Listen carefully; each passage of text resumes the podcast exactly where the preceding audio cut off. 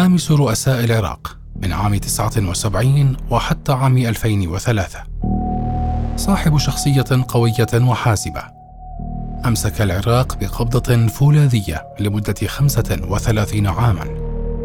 قاد إحدى أطول الحروب مع إيران لمدة ثمانية أعوام. حكم لأكثر من عقدين من الزمن. فطور الاقتصاد وغزا الكويت وواجه الغرب في حربين. صدام حسين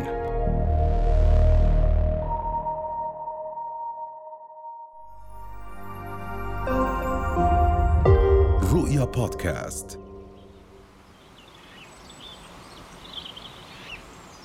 ولد الرئيس العراقي الأسبق صدام حسين المجيد في الثامن والعشرين من أبريل عام سبعة وثلاثين في قرية العوجة بمحافظة صلاح الدين لأسرة سنية.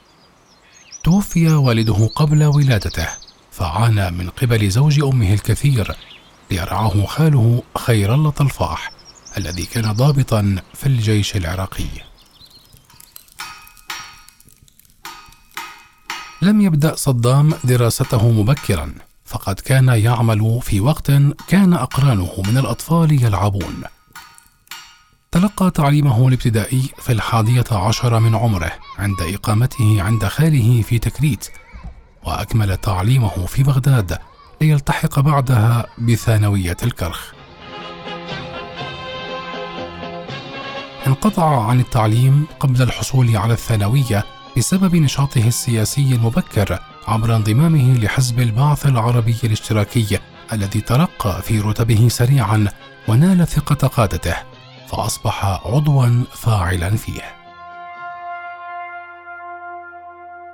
من خلال عضوية الحزب كان مشاركا في الحدث السياسي وساهم مع البعثيين في الإطاحة بالنظام الملكي في العراق عام 58 من طرف عبد الكريم قاسم ومجموعة من الضباط العراقيين. لكن البعثيين وقاسم اختلفوا حيث زج بهم الأخير في السجون فقاد صدام حسين محاولة لاغتياله عام 59 لكنها فشلت وغادر بعدها صدام العراق متخفيا إلى سوريا ومنها إلى مصر وحكم عليه بالإعدام غيابيا عام 60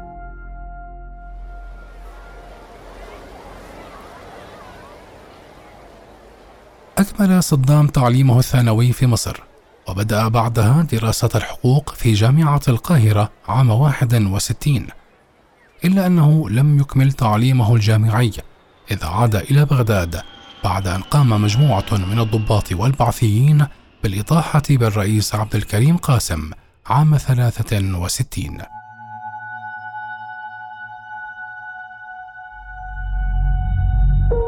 عمل مع رفاقه الذين كانوا جزءا من السلطة من خلال رئاسة أحمد حسن البكر للوزراء. رغم حضوره السياسي لم يتولى مناصب ذات طابع إداري، لكنه عين مسؤولا عن الجهاز الأمني شبه الرسمي. لكنه عزل عنه بعد تصفية جناح البعثيين من طرف عبد السلام عارف، فقبض على صدام وزج به في السجن عام 64 خلال وجوده في السجن تم انتخابه عام 66 كأمين سر القيادة القطرية لحزب البعث في العراق. أثناء نقله للمحاكمة استطاع الهرب من السجن.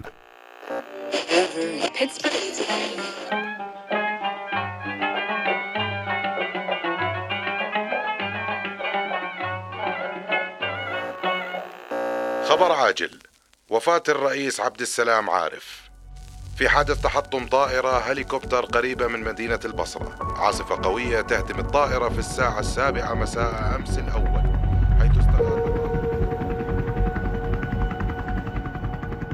بعد مقتل عبد السلام عارف تولى شقيقه عبد الرحمن عارف رئاسة العراق. نجح صدام بعدها بالانقلاب على عبد الرحمن عارف بمساعدة أحمد حسن البكر الذي أصبح رئيسا للعراق والذي عين صدام حسين نائبا له.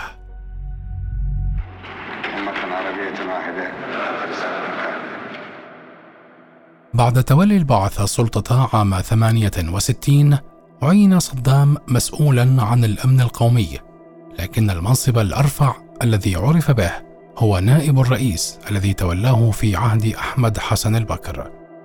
في ظل منصب نائب الرئيس أمم صدام شركات النفط التي كانت بريطانيا تسيطر عليها وطور في مجالات الصناعة والتعليم والعناية الصحية وبنى جهازا امنيا قويا لمنع الانقلابات والتمرد داخل وخارج حزب البعث.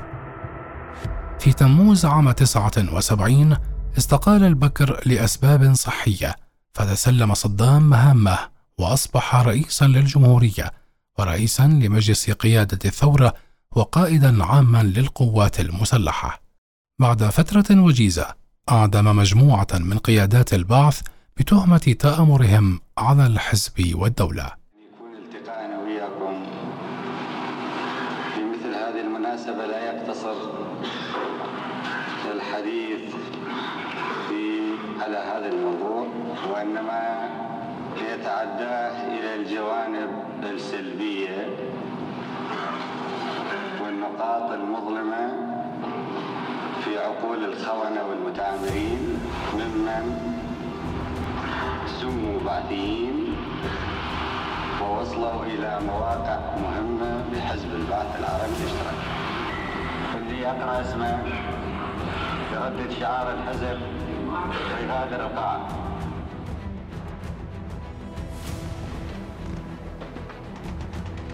لم يمضي وقت طويل حتى نشبت الحرب بين العراق وإيران في الثاني والعشرين من أيلول عام ثمانين واستمرت ثمان سنوات استطاع خلالها صدام كسب تأييد أغلب الدول العربية والحصول على موارد لتمويل الحرب.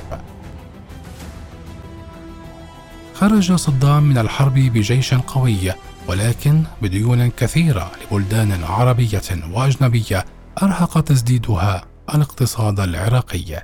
لن نحافظ على أمن العراق في حالة عودة الكويت كما كانت.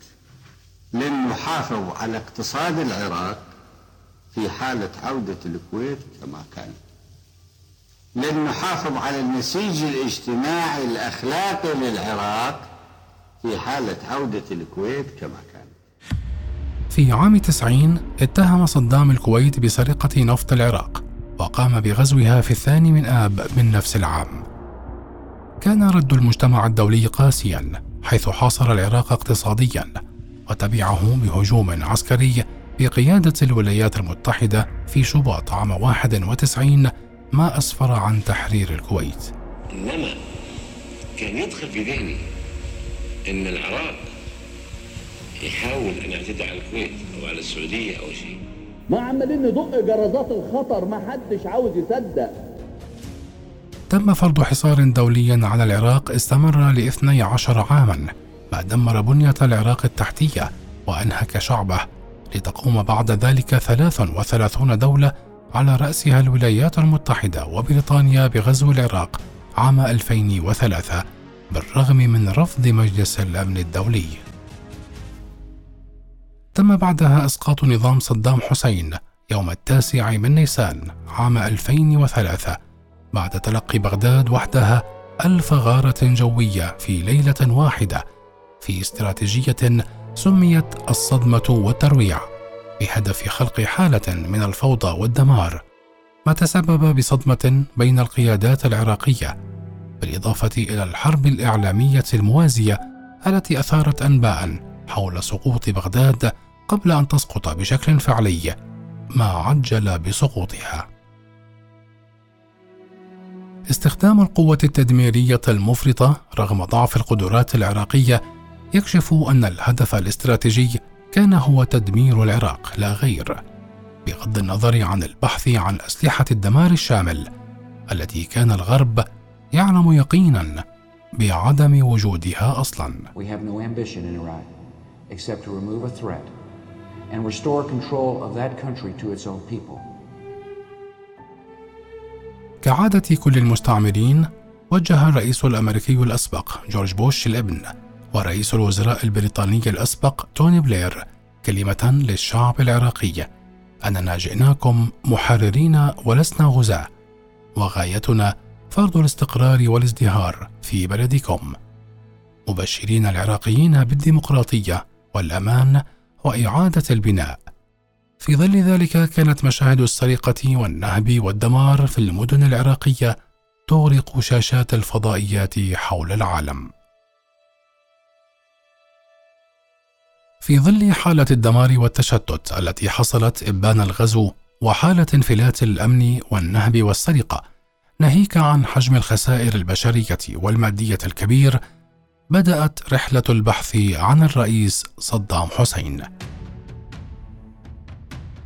قامت قوات الغزو ومعاونوها باثني عشرة محاولة فاشلة للعثور على صدام حسين إلى جانب 600 عملية بحث ضد أهداف أخرى بما في ذلك 300 استجواب. بالتوازي مع ذلك كانت الجوائز المرصودة لمن يدل على مكانه للقبض عليه تتزايد وتنشر هنا وهناك. حين تم العثور عليه في الثلاثين من كانون الأول من عام 2003 لا يخفى بعدها على أحد. سلسلة المحاكمات الهزلية التي أجريت للرئيس والتي كان الحكم فيها معدا سلفا وهو إنهاء حياة قائد لطالما كان شوكة في حلق الغرب وأعوانه من الخونة. فالكثير يرون أن محاكمته غير عادلة فقضية واحدة كانت كفيلة بنظر خصومه بإصدار حكم الإعدام بحقه. كما يرى آخرون أنه كان من حقه أن تتم محاكمته في المحكمة الجنائية الدولية حيث يستطيع استدعاء شهود أكثر ما يضمن له محاكمة عادلة على الأقل وهو ما كان يصعب إجراؤه أو لا يريد كارهوه أن يتم. في محكمته تلك.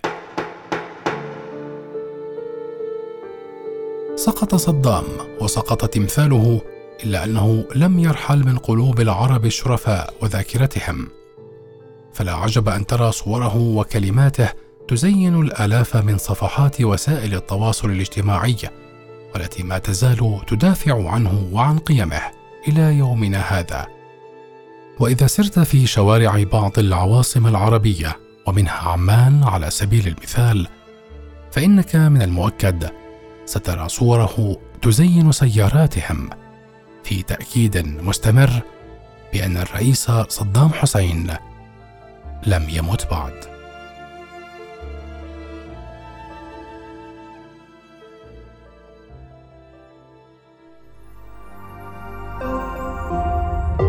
رؤيا بودكاست.